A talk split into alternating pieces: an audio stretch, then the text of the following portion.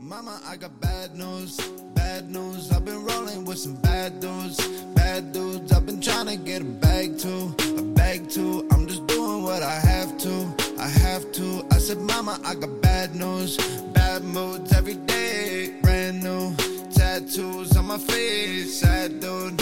With a head full of rain, I just wanna make it rain, Mama. I will be okay. Peppe, har vi goda eller dåliga nyheter idag? Vi har väl alltid bara goda nyheter? Vi har alltid bara goda nyheter. Det här är Goda nyheter-podden. Ja. podden. Det vet man därför att vi pratar om saker som verkligen händer. Och det är mest goda nyheter runt omkring i världen, känns som.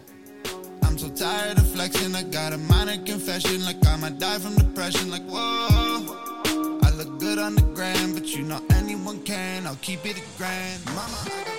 Du lyssnar på Magnus och Peppes podcast.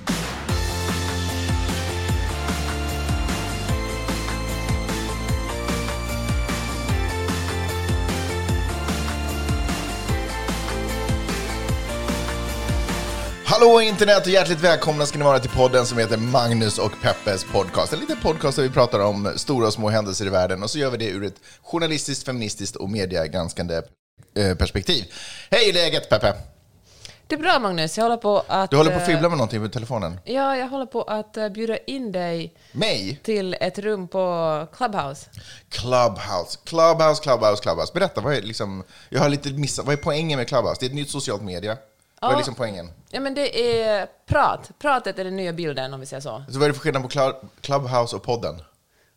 Clubhouse är live. Okej. Och det är lite spännande, för man kan säga en massa saker som man kanske klipper bort i efterhand i podden. Podden är mer så här producerat, okej, inte vår podd. Får jag ändå bara säga att det är aldrig att det skulle klippas bort någonting från den här podden? Nej. Typ någon omtagning, eller i början när vi bråkade asmycket.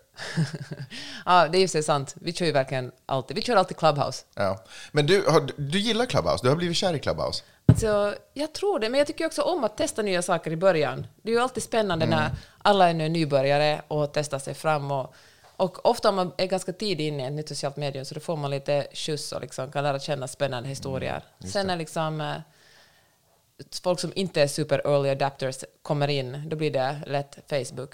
Och då vill man bara bort därifrån. Mm. Ja, jag fattar, jag så jag fattar. tänker att enjoy it while it lasts. Ja, jag Liksom. förstår, jag förstår. Hör du, eh, jag känner ju underligt nog att Clubhouse skulle ju kunna potentiellt vara någonting för mig. Alltså, eh, Instagram, grymt, men jag är ingen fotograf. Eh, TikTok, grymt, men jag är inte riktigt på det sättet en kreatör att jag skulle skapa roliga skits liksom i video. Eh, men Clubhouse, jag kan snacka. Jag tycker att min mun, den kan jag få att gå. Och det känns som, liksom, ska, eller har jag missförstått Clubhouse? Din mun gör ingenting annat än går faktiskt.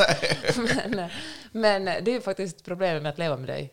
Att den går så mycket. Men om vi ändå fokar lite på Clubhouse. Ja. Skulle inte det kunna vara mediet för mig? ja, men det tror jag verkligen. Du är gammal radiopratare. Gammal behöver man inte lägga in, men jag är före detta radiopratare.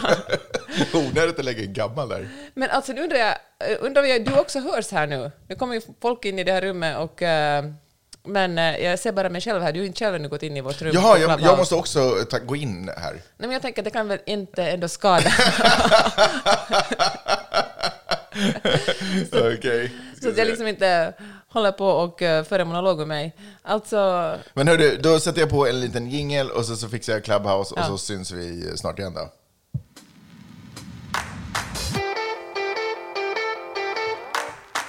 Okej, med risk för att låta som Hello fellow kids så vill jag säga att jag tycker Jag Clubhouse... fattar inte den referensen. Åh gud, tack älskling. Det säger du bara för att du älskar mig. Jag vill få mig att känna mig ung. Nej, jag gjorde... Okej, ja, det var därför. Ja. Okej, men, eh, ja, men alltså, jag tycker Clubhouse är underbart. Jag tycker det är så skönt för att det är bara snack och att man faktiskt lär sig saker där ibland. Alltså precis som på alla andra sociala medier finns det ju mycket Se, onödigt shit. hur länge har du eh, hållit på med Clubhouse? Magnus, sen du var barn. Är det sant? Nej, men kanske en två veckor? Gud, i två månader. Du har verkligen ingen koll på mig. vad töntigt. Okej. Eh, vad har du lärt dig? Vad är det senaste du har lärt dig från Clubhouse?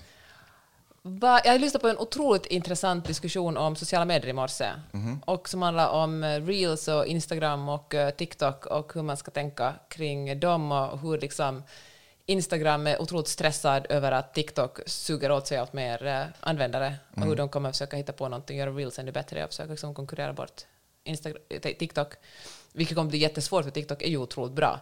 Men eh, det som är intressant är att, att Instagram har ju klarat av det tidigare. De stal, stories är ju rakt kopierat från Snapchat. Och, eh, och det stal de ju rakt av och, och lämnade Snapchat åt sitt öde och drog iväg. Och jag tror också att, att både Facebook och Twitter kommer att, om inte de gör det nu, kommer att utveckla någonting i motsvarighet till Clubhouse. Så att om ingen vill vara på Facebook, men kanske Twitter då. Tror du Insta kommer ha så här, bara, det här är bara prat? alltså det skulle inte förvåna mig. Det skulle inte förvåna mig att de kommer, om de lägger ett bud på Clubhouse så småningom. Men alltså Instagram handlar ju liksom till 99 procent som tits and ass liksom i solnedgångar. Ja. Vad ska, vad ska de säga? What's not to love? Ja, Okej. men Magnus, jag tycker det borde bli liksom mer... eh, Jag tycker du ska våga Ja. prova på nya saker. Nej men absolut, jag är, öppen, jag är öppen för det mesta. Jag kommer 100% att fördjupa mig lite mer i Clubhouse. Jag tror att min tid på Insta har börjat komma till ett slut, om jag ska vara helt ärlig. Eh, Jag kommer följa TikTok lite sporadiskt, men jag har liksom inte engagemang att sitta ner varenda dag och, och, och Du kommer att gå tillbaka till Facebook, cirkeln är liksom sluten. Det är inte omöjligt. Det är inte omöjligt. Nej, men jag tror Clubhouse kan, som sagt, det kan vara någonting för mig. Super, alltså jättekul. Välkomna in till eh, vår podd, eh, återigen. Och till det här Clubhouse-rummet. Kan inte du sköta den här introduktionen? Välkomna till Clubhouse-rummet. Vet du vad, jag blir så här självmedveten nu när folk faktiskt lyssnar på det här. Att Mm. man gör en podd så talar man ju, då talar jag bara till dig, men nu när jag ser att det här är andra människor som... Ja, mitt råd till dig är kom över det. Vi går vidare. Ska vi dyka ner i saker som har hänt?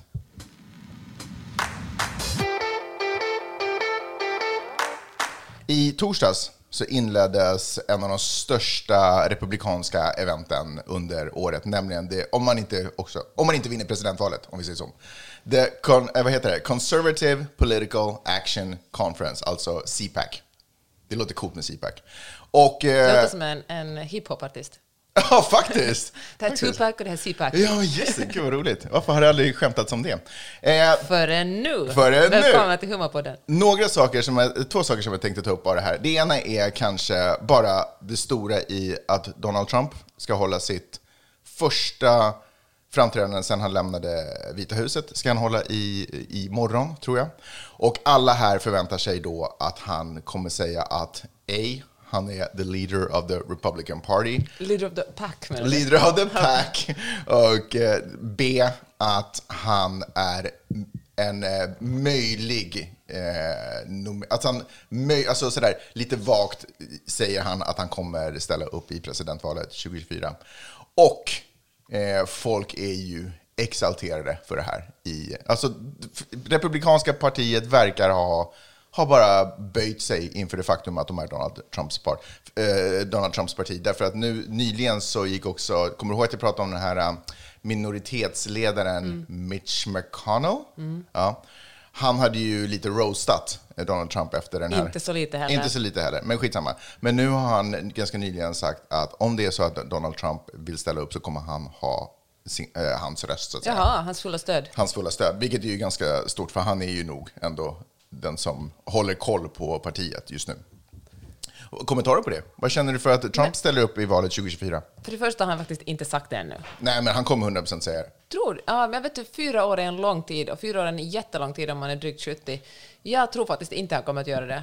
Och jag tror att folk har gått vidare. Jag tror att folk, det, Men vänta, tror du att han kommer säga det, men han kommer ändå inte göra ja, det? det skulle ju inte vara första gången Donald Trump säger, för Donald Trump betyder ju ord ingenting. Mm, nej. Ord betyder ju liksom likes exakt nu i den här stunden. På så vis är han ju den perfekta influencern. Mm. Han liksom... Och presidentkandidaten faktiskt.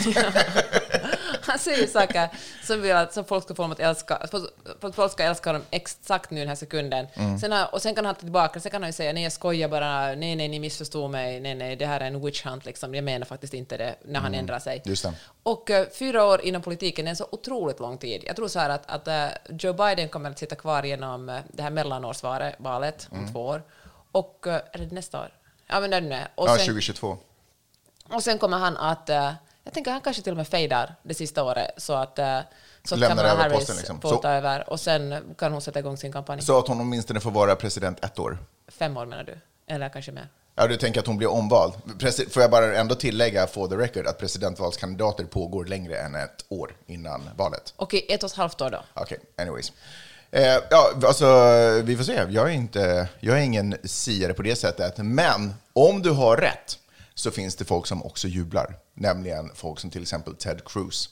Som det, som det verkar nu i det republikanska partiet, de som är Trump-anhängare, liksom, vilket är en ändå ganska stor del av partiet. Inte alla, men en stor del av partiet. Så det som verkar nu är att ingen kommer försöka slå bort honom från piedestalen. Alla, eh, alla eftersträvar att bli hans efterföljare. Alla vill ha hans blessing. Alla vill åka till Mar-a-Lago och kyssa ringen. Exakt, för om man kysser ringen och Trump sen inte ställer upp, då är man liksom välsignad och då, kan man få, då, får man, då har man större chans att få Trumps alla följare. Fan, ja. Det är ju mest up. Visst är det det, ja. Det är ju så mest up. Alltså, att hur, den, amerikanska, alltså den amerikanska politiken är så otroligt korrumperad. Alltså det handlar så väldigt mycket om... Alltså man kan verkligen sätta sina, sin ideologi och sina värderingar åt sidan. Det är liksom verkligen vinna eller försvinna, kosta vad det kosta vill. Det gjordes också en, en, en undersökning, en studie, som, eh, eller vad heter det, en statistisk undersökning, som, där man kollade om det är så att Trump skulle bilda ett tredje parti, hur många skulle följa efter. Och det var en ganska, det var inte majoritet, men det var en ganska stor procent, nu kommer jag inte ihåg vad det var. Men det var liksom, okej, det här är ändå en siffra. Hör du, eh, men jag tror fortfarande inte att han kommer att, att ställa upp. Men den som lever får se. Vi glömde tala om Ted Cruz uh, Mexikoresa förra veckan. Ja, vi glömde nämna den, ja. Eller glömde vi, eller ville vi bara inte nämna den? Äh, vill du säga någonting om den?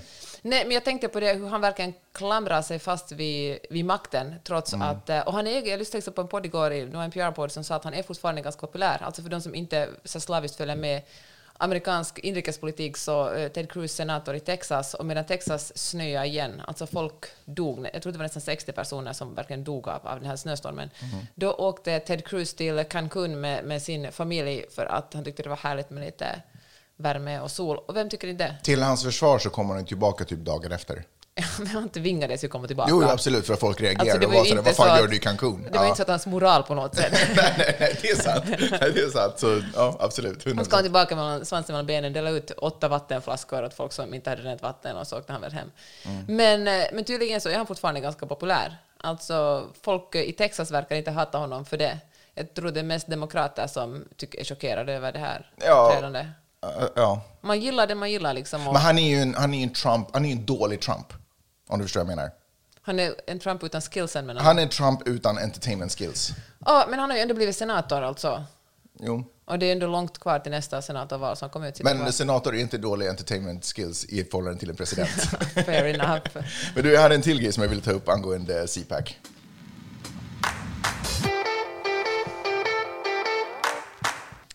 En grej som slog mig, som jag tycker också är så sjukt beskrivande på um, det här, för det här landet och, och medielandskapet för det här landet, det är att folk som är uppsatta som eh, talare under CPAC, för det första så är CPAC typ sponsrat av eh, Fox News Nation, som tydligen är ett begrepp Ett land som tydligen är ett, ett land. Kan vi också bara tillägga att det finns något som heter Bachelor Nation. Jag tycker det, det alltså, på något sätt kan jag ändå gilla att man, man, man skapar den här myten, man gör det större än vad det är. Men skitsamma. Så uh, CPAC är då sponsrad av Fox News i allra högsta grad. Att det, de är väldigt Det sammanflätade. visste jag faktiskt inte. Jag visste inte heller det förrän jag läste det i morse i badet. Eh, men uppsatta som talare under det här är massvis med så här Fox News Business-ankare eller Fox News News-ankare. Och att journalister, ankare på nyhetsprogram på en sån här kanal, står som föreläsare på ett politiskt partis mö- Alltså det är ju sinnessjukt för mig. Du menar din journalistiska etik eh, får inte ihop det? Min journalistiska etik får absolut, nu säger inte jag, det är säkert, säkert samma sak eh, när Demokraternas motsvarighet eh, har sitt stora parti och CNN, eh, då står säkert en massa CNN-talare där. Men det är ju ändå väldigt mystiskt. Fast är det det? Jag ska Varför är det ingen klocka som ringer Men någonstans? vänta nu, jag ska föreläsa på svensk, alltså Svenska folkpartiets kvinnoförbunds Ja, årsmöte. eh, det är sant. Och det kolliderar med ditt jobb som nyhetsankare på uh, Yle. På, eh, liksom, Nej, men jag är ju också journalist. På vilket sätt skiljer det sig men ifrån? du, jag, vänta, vad sa du att du skulle göra? Jag ska föreläsa om... eh, Jag ska föreläsa på Svenska kvinnoförbundets årsmöte om några veckor. Mm, det är inte bra. Men ska, Svenska kvinnoförbundet är alltså då kopplat till eh, Svenska folkpartiet. Svenska folkpartiet som Men är är jag en ett inbjuden- riksdagsparti i, i Finland. men jag är en inbjuden talare. Alltså jag ska inte ställa upp på ett valmöte det eller kampanja för dem, utan jag ska prata om hur det är, hur liksom, vilka svin män är på nätet. Fine. Eh, jag skulle ändå våga säga given att vi lite vet hur saker och ting är strukturerat i Norden, i de skandinaviska länderna, eh, där vi för en annan sorts journalistik, så skulle jag ändå våga påstå att det är lite en annorlunda sak. Det känns inte som att du är där i egenskap att du är medlem i partiet, medan de här Fox News-ankarna känns som att de är där för att ge kredibilitet och boosta det här partiet och det här evenemanget. Gick. Det här evenemanget streamas ju också. Man kan betala för det Mm. Ja, och få gå in och titta på det. Så det här är ju också headliners, förstår du, som folk kanske vill gå in och lyssna på. Ja, men eh, Svenska kvin- kvinnoförbundet streamar det på Facebook. ja, fair enough. Ja, nej, men, Nej, men jag hörde- fundera på det då. Är, Nej, det, nej. är det vettigt att du gör det då? Nej, men jag tycker inte, för det är inget kampanjevent. Jag kommer inte att stå och tala liksom framför folk och vara sådär att nu ska alla rösta på det här partiet. Tvärtom är jag inbjuden för partiets medlemmar och det är ju de här, alltså jag säger inte att, att eh, Fox News alltid har helt rent, att de är helt obundna på något sätt. Men om, om man de hypotetiskt sett är inbjudna som som, som talare. Nu ska ni få höra medias perspektiv på det här, eller den här journalistens perspektiv på det här. Men alltså, det är väl helt okej? Eh, Jag tycker att det känns mystiskt. Jag tycker, jag tycker att som journalist så bör man hålla sig borta ifrån partipolitiska jippon. Fine. Det är vad jag tycker.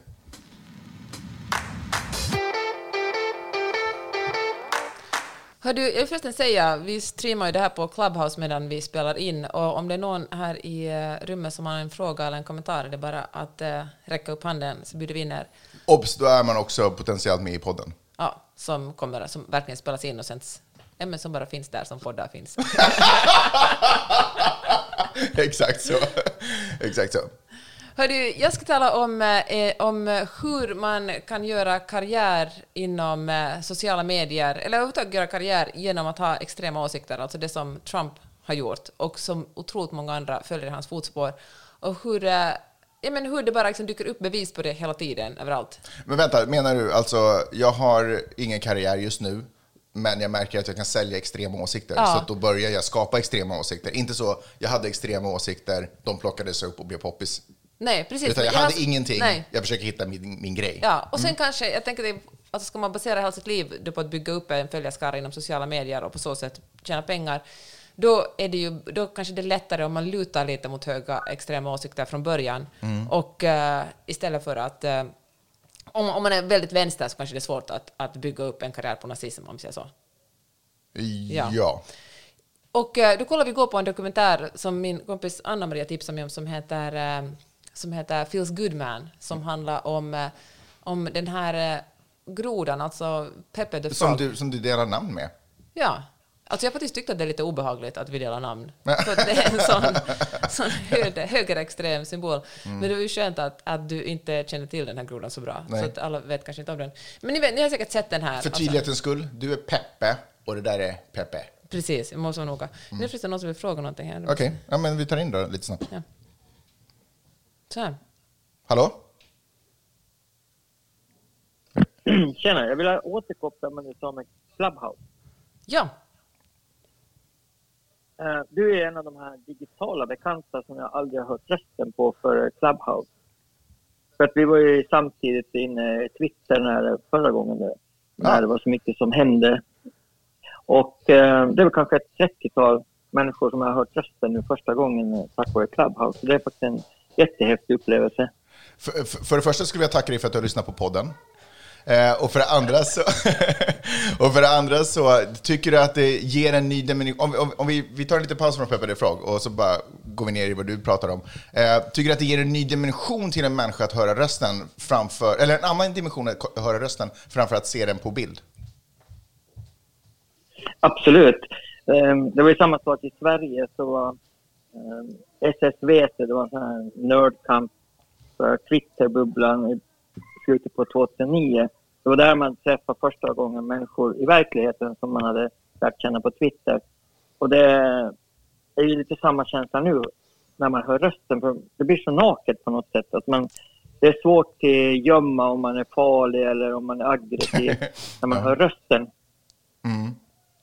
Ja, men jag fattar, det är en poäng alltså att Clubhouse kanske för folk också på något sätt lite närmare varandra eftersom det är lättare att förklara sig än vad det är på Twitter. På Twitter måste man ju vara ganska så här slagkraftig och säga sin sak på få tecken. Men, eh, i poddar och på Clubhouse kan man ju bli ifrågasatt och sen förklara sig. Det är svårare att på, också avsiktligt missförstå andra människor. Eh, sis, sista frågan, Matt. Eh, upplever du eh, Peppe som eh, trevligare eller otrevligare? Är du, är du positivt överraskad? Eh, nej. Jag trodde. Så kände jag också när Eh, jag jag vaknade. trodde väl... Ja, jag trodde väl kanske att de skulle ha mer utpräglad finlandssvenska Mm. i sin dialekt. Ehm, så det hade jag väl framför mig någonstans. Men det låter som att du kommer från Sverige, antar jag, Magnus? Jag är från Stockholm. Jag är född och uppvuxen i Stockholm. Precis. Ja, men det är kanske det som har smittat av sig lite. Ja. Nej, men jag... Jag har den effekten Jag menar- på folk. härligt. Ehm, nej, men jag tycker väl att uh, Twitter gör. Skulle man ha haft den här diskussionen på Twitter har man ju fått hålla på ett år. Det som ni har gjort nu på podden, eller den här Clubhouse-sändningen. Så jag tycker det är så mycket effektivare att kunna prata på det här sättet. Nåja, men eh, Ja. jätteroligt. Jag ska lyssna på er podd. Bussigt, du, tack för... Tack för jag, har, du, jag måste bara fråga en teknisk fråga nu. Hör du de här um, mellanljuden som vi lägger in mellan ämnena? Jo, alltså De- jinglarna. Ja, jinglarna, precis. Jättebra. Jag vill bara kolla det. Du, stort, fan vad kul att du är med. Fortsätt, fortsätt lyssna. Ha det gott. Bra, tack. Tack. tack, tack.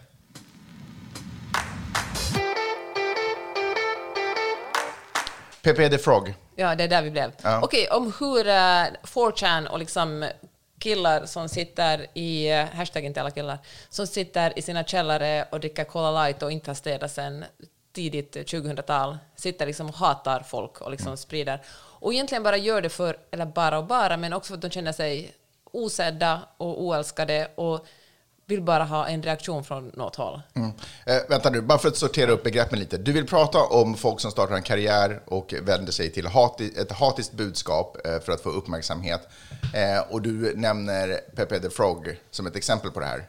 Ja, eller kanske för att få både bygga en karriär men också att bli sedda och älskade. Jag tänker det måste väl ändå vara det mest eh, grundläggande behovet hos människan. Att bli sedd och, och, och älskad. Och blir man inte älskad så blir man i alla fall sedd. Men har du en teori, vet du vad, det har ju varit en annan dokumentär om det här som har följt några av de lite aggressivare rösterna eh, just för, eh, för extremhögern i, i USA, i amerikansk politik. Som, som också hade det här, som liksom bara, du vet när, man, när de intervjuades i dokumentären, och nu vet jag inte hur vinklat det är, men då var det liksom att, ja, okej, vi tror typ inte riktigt på det här, det drog lite iväg och nu har jag ju miljontals följare så liksom, vi kör ungefär Nej men lite så. precis, White Noise hette den. den The Atlantic producerade den. Det var jättebra tycker jag. Den var bättre än Feels Goodman, den här. eh, Men man kan se dem tillsammans. Ja. Det handlar om tre stycken. En kvinna, Lauren Southern hette hon. Richard Spencer är en av männen och så var det en tredje man som jag inte orkar leta upp namn eller som namnet på just nu. Hur som helst, jag rekommendera den här, den här dokumentären White Noise. Men det handlar, precis som du säger, liksom människor som kanske lutar lite mot höger men märkte att ju mer radikala åsikter de släpper ut på Instagram och på sina YouTube-kanaler, desto fler följare fick de. Och det skadar ju heller inte om man liksom ung och blond och vacker som den här kvinnan. Hon var liksom en otrolig genomslagskraft. Och det blir, finns en lockelse i det att bli bara, bara mer radikal och säga allt mer galna saker eftersom man blir belönade, belönad för det. Och jag tänker att samma sak, alltså Trump är väl det perfekta exemplet, men det, jag tror att det kommer att växa allt mer den här rörelsen. Alltså den här Marjorie Taylor Greene, den här en eh, kongressledamot, hon är kongressledamot i representanthuset i USA, hon blev ju invald och då jobbar hon väldigt mycket för att, eh, alltså hon, hon var liksom en QAnon-anhängare. Sen när hon blev invald tog hon tillbaka det och sa att det var då, alltså jag var jag var ung och visste inte bättre för tre månader sedan. Nu vet jag bättre. Men hon fortsätter ju ännu att, eh, att hålla kvar sin popularitet genom att alltså, balansera på... Hon går väldigt hårt ut, nu ser jag inte att det, alltså väldigt hårt ut med att vara abortmotståndare mot att det absolut bara finns två kön. Hon liksom tror inte på liksom att, att, att och hon tror absolut inte på transpersoner. Och, jag tänk, och det finns verkligen folk som... Ja, men jag tror det, speciellt inte bara i det här landet utan liksom också i Europa och resten av världen finns det en väldigt stark rörelse bland konservativa och liksom borderline högerextrema konservativa som verkligen gärna röstar på sådana personer. Men du, jag tycker ändå att jag tycker att du pratar om två olika, nästan tre olika saker. Men innan jag går in på de sakerna, vad, har, liksom, har du någon teori bakom det här? Varför det är på det? Eller vad är liksom... Min teori är att sociala medier gör det helt enkelt lättare att radikalisera, så jag fattar att det inte är världens liksom, nyaste teori, men jag tycker att vi verkligen ser på något sätt eh, frukterna av det just nu. Skulle man också kunna säga att eh, sociala medier uppmuntrar det här? Därför att det finns ju ett belöningssystem inkorporerat i sociala medier, så att om man om man får napp när man slänger ut en extrem åsikt så blir det kanske som ett, ja, men du vet, det blir ett belöningssystem runt det. Ja, men verkligen. Plus att ju fler engagemang man får, det blir, och det gäller ju både folk som blir upprörda och folk som hejar på en. Men algoritmer gillar ju engagemang. Så att om man är en, en, en politiker eller en social media-producent som bara lägger ut ja men å ena sidan och andra sidan, här är en snygg solnedgång, då, liksom, då blir man aldrig stor. Men, eh, om man, men jag tänker att det här har vi, det har vi talat om tidigare i podden också, hur, eh, hur konspirationsteorier och, konspirationsteorier och, och så wellnessindustrin och liksom yogaindustrin har gått hand i hand. Att väldigt många som jobbar med, med yoga och wellness har på något sätt borderline trillat mot, kons, mot konspiration, och liksom spridit konspirationsteorier. Ja, men för det båda bygger ju lite på att kom, det konventionella inte fungerar och inte är korrekt, utan det här är det alternativa. Så de ligger ju lite i samma skikt fast på förstås olika falanger. Men jag skulle ändå vilja säga att jag tycker att det är lite olika saker att det sitter en, eh, en ung man i sin mammas källare, bokstavligen, och, eh, och nappar på ett hatbudskap som grundar sig i att den personen känner sig utstött och motarbetad, eller liksom utstött av samhället och har därför börjat bygga upp ett förakt för Mm. samhället och sin omgivning. Och de här som snarare beter sig som rovdjur, som är tunga på sociala medier och hittar, det här är min liksom, eh, eh, uträk, statistiskt uträknade vinkel på hur jag ska attackera det här problemet och vilka, vilka åsikter jag ska sprida. Ja, fair enough. Men jag tänker att de här, den ena stödjer ju den andra. Mm. De som sitter på 4chan och liksom sprider memes på Happy the Frog stöder ju det här, de som verkligen gör karriär på det här. Får jag säga en sak som eh, jag tänkte på när jag tittade på den här dokumentären om då den ritade grodan? Eh, och det är att jag liksom, jag, jag svajade mellan ett förakt och eh, vemod, i brist på bättre ord, men ish kan det sort of. Därför dels var det så mycket young white man's problem, som bara, ingen tycker om alltså så. Ingen Och- tycker om mig så jag måste döda er. Ja, och samtidigt så finns ju ingen vidrigare känsla än att bli utstött och, och förstås mobbad och, och det är ju liksom och, och sådär. Så det är ju, det är ju naturligtvis det är ju andra människor, som, det är ju inte de som har skapat det här. Det är ju andra människor naturligtvis som har skapat det här. Det är ju samhället. Vad menar du? Nej, men jag menar, om, om man har blivit utstött i skolan så är det ju inte jag som har blivit utstött och mobbad. Det är ju inte mitt fel att det har blivit så här. Det är ju andra människor som har gjort det här åt mig. Förstår du vad jag menar? Om, om, om de här personerna, de här unga männen hade blivit inkluderade under sina unga Fast vet du år. vad? Ja, fair enough. Men jag ja, säkert så också. Alltså man kan inte anklaga ett offer för att hen är ett offer. Men samtidigt så är det ju unga, de här unga männen som tycker att de, de har liksom ridit på jag är vit man, vit privilegierad man-vågen. De har sett generationer innan dem rida på den här vågen. Och nu känner de sig att det som tillhör det känns dem inte har som att blivit... det var så det började. Ja, det som tillhör dem har blivit taget ifrån dem. Jag kvinnor, det- de, de ska kunna få kvinnor, de ska kunna få pengar, de ska kunna få Mm. framgång, för det, det är ju vita mäns grej. Och så får de inte, och då reagerar de med att ha ihjäl kvinnor. Fast jag, jag upplever... Eller bara vara aggressiva på jag, internet. jag upplever att när de kommer in till de här olika chattarna eller de här eh, vad heter det, diskussionsforumerna så kommer de inte in med den vinkeln. Jag tyckte att den här dokumentären ganska tydligt sa att där började eh, förklaringar och, och där började den här världen skapas. Att först kom de in och ville bara ha liksom, support. Eh, och sen så märkte de att de finns mass, fick en massa uppmärksamhet när de la ut hur dåligt de mådde. Och då på något sätt så blev det ju det- just det här belönings... Att det på något sätt det började skapas där, den där världen av vad de egentligen förtjänar och vad de egentligen borde ha i sina liv som har tagits ifrån dem, ish kind of sort of. Att den var inte ingång, alltså innan de klev in på sociala medier eller på nätet så var de ju bara deppiga.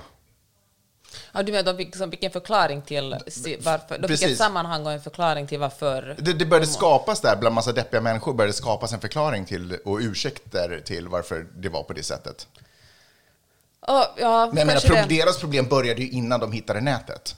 Förstår du vad jag menar? Så, så upplevde jag det. Jag vet inte, eller? Ja, och sen, ja, jag, vet, alltså, jag vet inte om jag, får min spontana känsla att säga emot dig, men eh, du har kanske...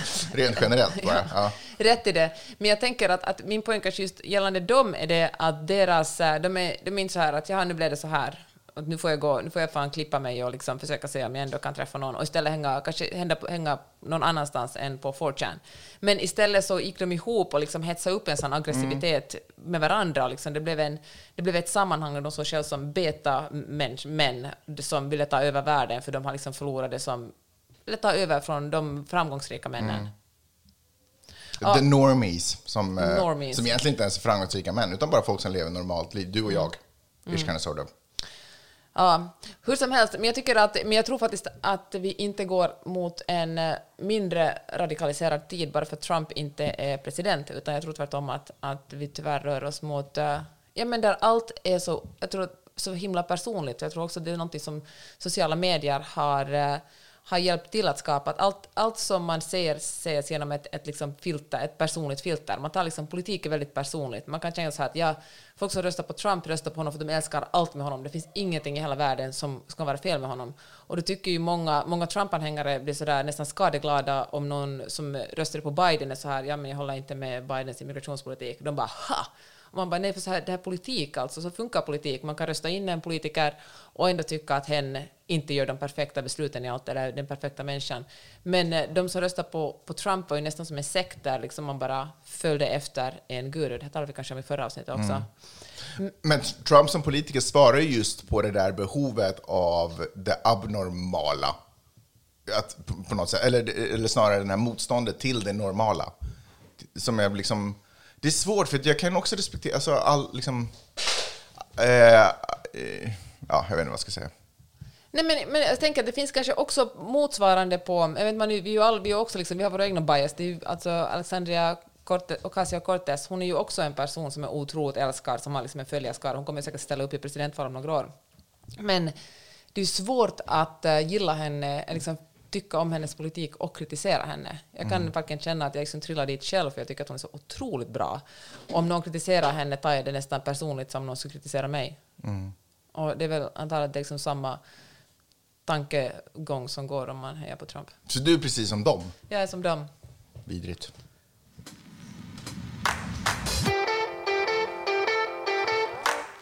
Jag uppfann ett ord, eller ett uttryck eh, härom veckan som heter karriärsturism. Gillar du? Jag gillar det. Grymt. Och det kommer sig av en insikt eh, som jag fick här. Nu tänker jag prata lite om livet i USA. Livet i LA. Och det är ju att jag tycker att det är svårt att leva här. Det är dyrt, eh, det är svårt att förstå. Eh, och då pratar jag om liksom, men du vet, det det är så otroligt administrativt här och ska, hur funkar det med lagar och skatter? Du vet, det är bara komplicerat. Det tar tid att, att komma in i det och fatta. Men framförallt så är saker och ting sjukt dyrt. Och med det så Men finns flytta hem då.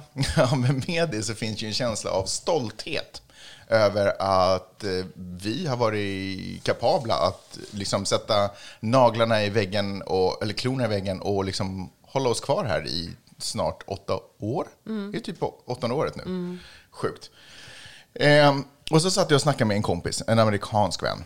Ehm, och så, eh, vi pratade om, du vet, att hassla. Vad man måste göra för att överleva. Du vet, jag kände att vi kunde, vi kunde mötas där. Vi har gått igenom ungefär samma, erf- vi har samma erfarenheter av att bo i den här staden. Han är ju typ härifrån. Eh, vi har samma erfarenheter av att bo i den här staden. Det är det eviga hasslandet och jag kände att vi connectade.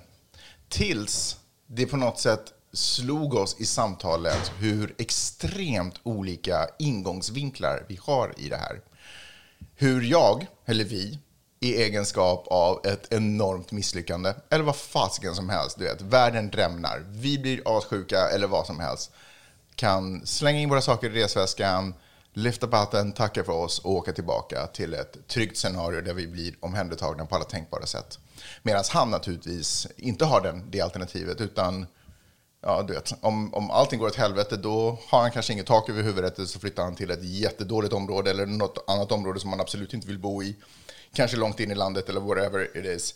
Eh, och sen, Med dåliga skolor, för det kommer ju alltid med USA. Alltså det område man bor på, har man barn, går de i dåliga skolor Ja, så fuckar man upp deras framtid. Och sen så får han där sen börja sakta men säkert bygga upp det. Och då slog det mig att jag är en karriärsturist. Jag är på resande fot och testar och känner på lite. Jobbar hårt, ingen snack om saken. Verkligen sådär, lägger ner kärlek och möda i det.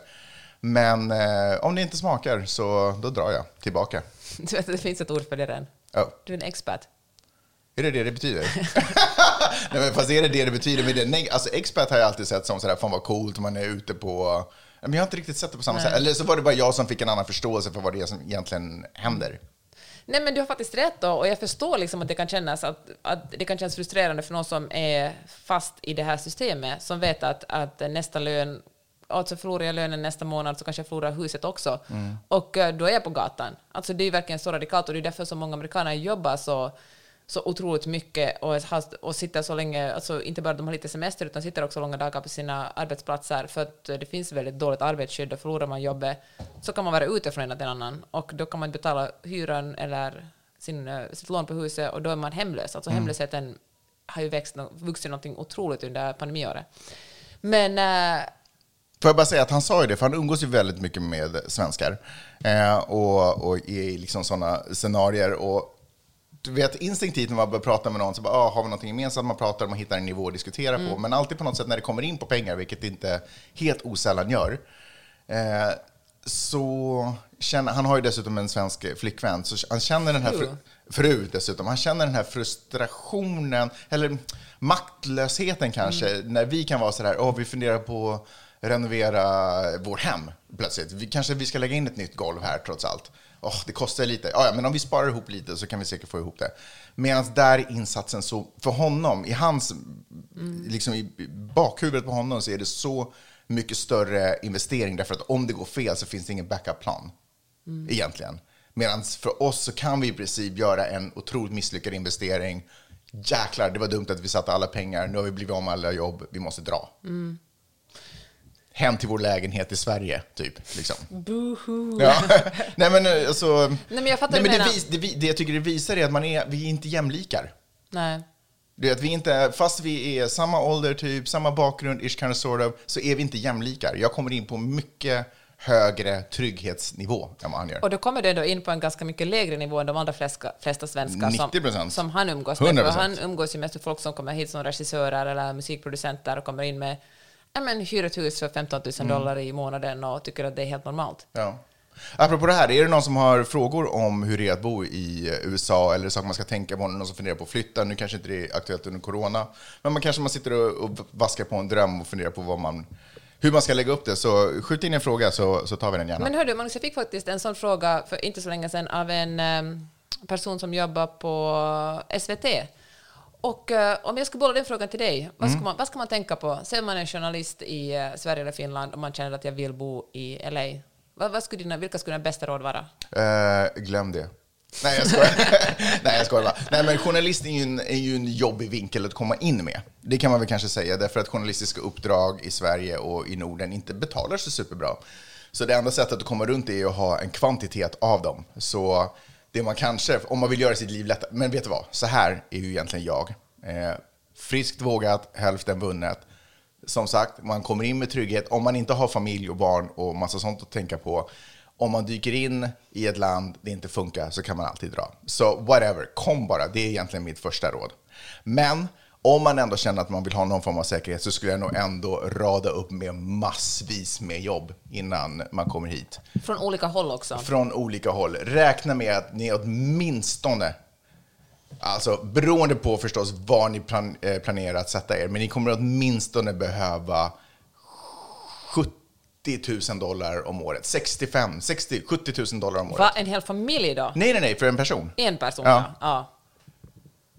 Ja. Med, med liksom... Men det beror också lite på var man bosätter sig, hur man bestämmer sig för att leva, vad man är okej med. Men om man också tänker sig att man har barn och vill ha in dem i skolor, då är det liksom vissa områden som man måste...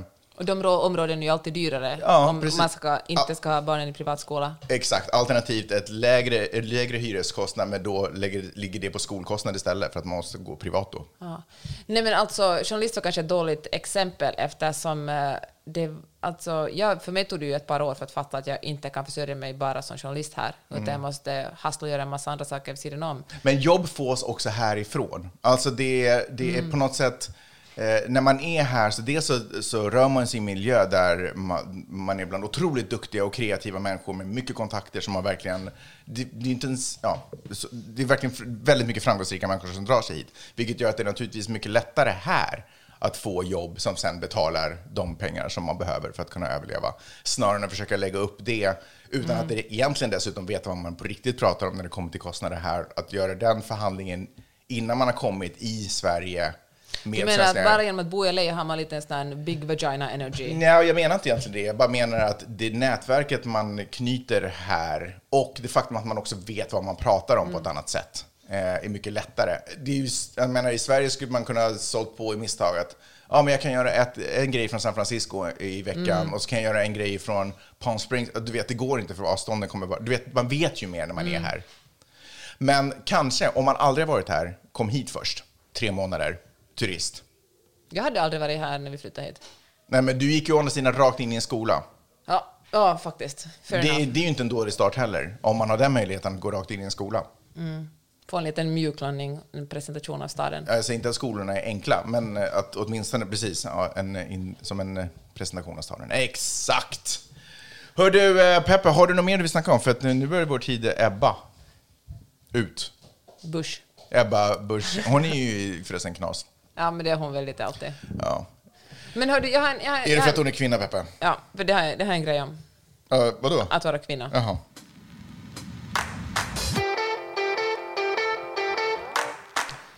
Den som... Åh, oh, ni fått en fråga förresten. Ja, shoot. Tar vi in någon? Nej, det var bara någon som kom in i rummet. Äsch, jag blev bara så här. Okej. Eh, Men du, hade en, du vill prata om kvinnor? Jag vill tala om klimakteriet igen. Alltså, förlåt, men jag ska- Skojar du nu, eller? Nej, jag menar det. Kan du inte bara gå in och lyssna på vårt förra avsnitt? Okej, det här är en kortis. Det börjar från klimakteriet, sen hoppar vi någon annanstans. Mm. För att jag har, för de som inte slaviskt lyssnar på den här podden, har jag skrivit ett reportage om klimakteriet och så har jag varit tvungen att forska väldigt mycket kring det. Om man vill ge sig in i en bransch där man tjänar mycket pengar de närmaste åren kan man, ska man satsa på klimakteriet. Produkter som... Med som klimakteriet, ankny- ja. Så man får kvinnor i klimakteriet att köpa. Mm. För klimakteriet i sig är väl ingen bransch? Eller? är det bättre om man ser det så? Att man ger sig in i det liksom. Ja. som en Jag har en startup, vadå? Ja, med puberteten.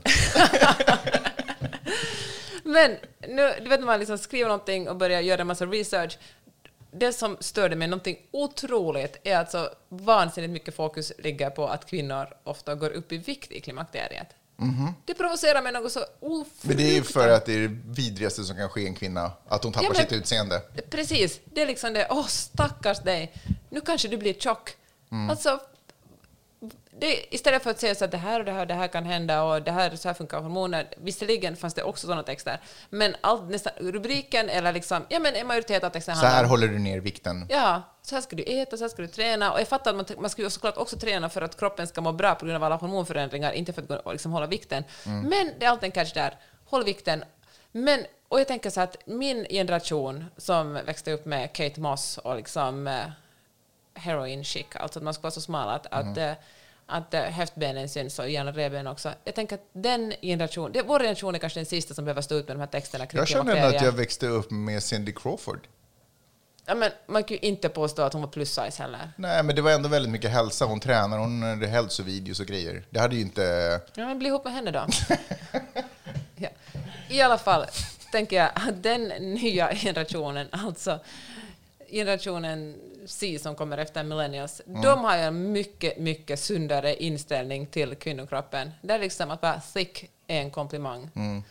Och du tänker att man, har, man föds med en inställning till kvinnokroppen och sen har man den hela livet ut, att ingenting kommer, det kommer Nej, inte men jag förändras. tänker att liksom. det är den kultur, det är liksom den generationen som skapar såklart sin, e- alltså de skapar ju sin egen kultur. Mm. Och eh, den är, har en mycket, sen har den garanterat sina egna problem, jag säger inte att den är en problemfri generation.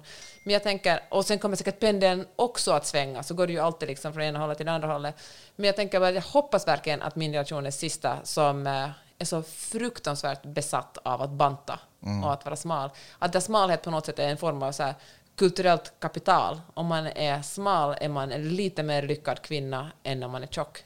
Jag har en fråga som berör absolut noll av våra lyssnare, möjligen en. Eh, Och det är, hur skulle, vad skulle du rekommendera, alltså du som ändå har läst på om klimakteriet, ska man liksom bara rida igenom det, huvudet ner och rida igenom det, eller ska man attackera det med till exempel träna, eller finns det piller? Vad ska man göra? Ska man motarbeta den eller ska man flyta med den? Alltså, så här, min första, jag brukar gå igenom saker och bara bita ihop och, och Mm. hoppas det går över, liksom bara rida igenom det. Men det ska man absolut inte göra tydligen. Man ska styrketräna. Det är det. Man ska Men ska man äta hormonpiller? Ja, man ska, äta Man ska bekämpa den. Tydligen gick det, eftersom du nu frågar och eftersom vi gör Klimakteriepodden nu, Ja. så, så, gick, så, så spreds det typ för 20 år sedan en massa så information om att, att eh, man kan få bröstcancer om man äter östrogen. Men, eh, fan vad, nu ska jag verkligen inte komma och ge läkarråd den här podden, men vad jag har läst på så, ska man inte vara rädd för att, för att äta östrogen. Okej. Grymt, bra snack Peppe. Ehm, Det finns ju också ett manligt klimakterium. ja, men berätta lite, bara snabbt, vad är det? Ja, det är du har, du har hint. Alltså, menskroppar För är så dig otroligt kanske? ointressanta för mig, så det får du faktiskt forska i själva. Så, jag trodde det här skulle vara jämlikt och jämställt. Okej, har, du, har vi något mer vi ska ta upp den här veckan? Nej, jag tror faktiskt inte. Okej. Jag måste erkänna Jaha. att jag är väldigt så nervös inför att göra det här på Clubhouse. Jag tänker att har vi tillräckligt mycket material, men vi har väl som vanligt helt okej material. Tack så hemskt mycket för att ni har lyssnat den här veckan. Det är så otroligt inspirerande och kul. Och kul också att testa på, alltså förlåt jag ska avsluta meningen. Så otroligt inspirerande och kul eh, att se engagemanget och att ni vill vara med oss och lyssna på oss, kommentarer vi får. Fortsätt skicka in frågor och synpunkter. Snälla, elaka mejl, whatevs man. Nej, inga elaka mejl. Okej, inga elaka mejl. Magnus och peppe.gmail.com. Ni följer oss också på förstås eh, sociala medier. Du, heter, du brukar heta att peppe, peppe, peppe. Och jag heter Maggie Sockman.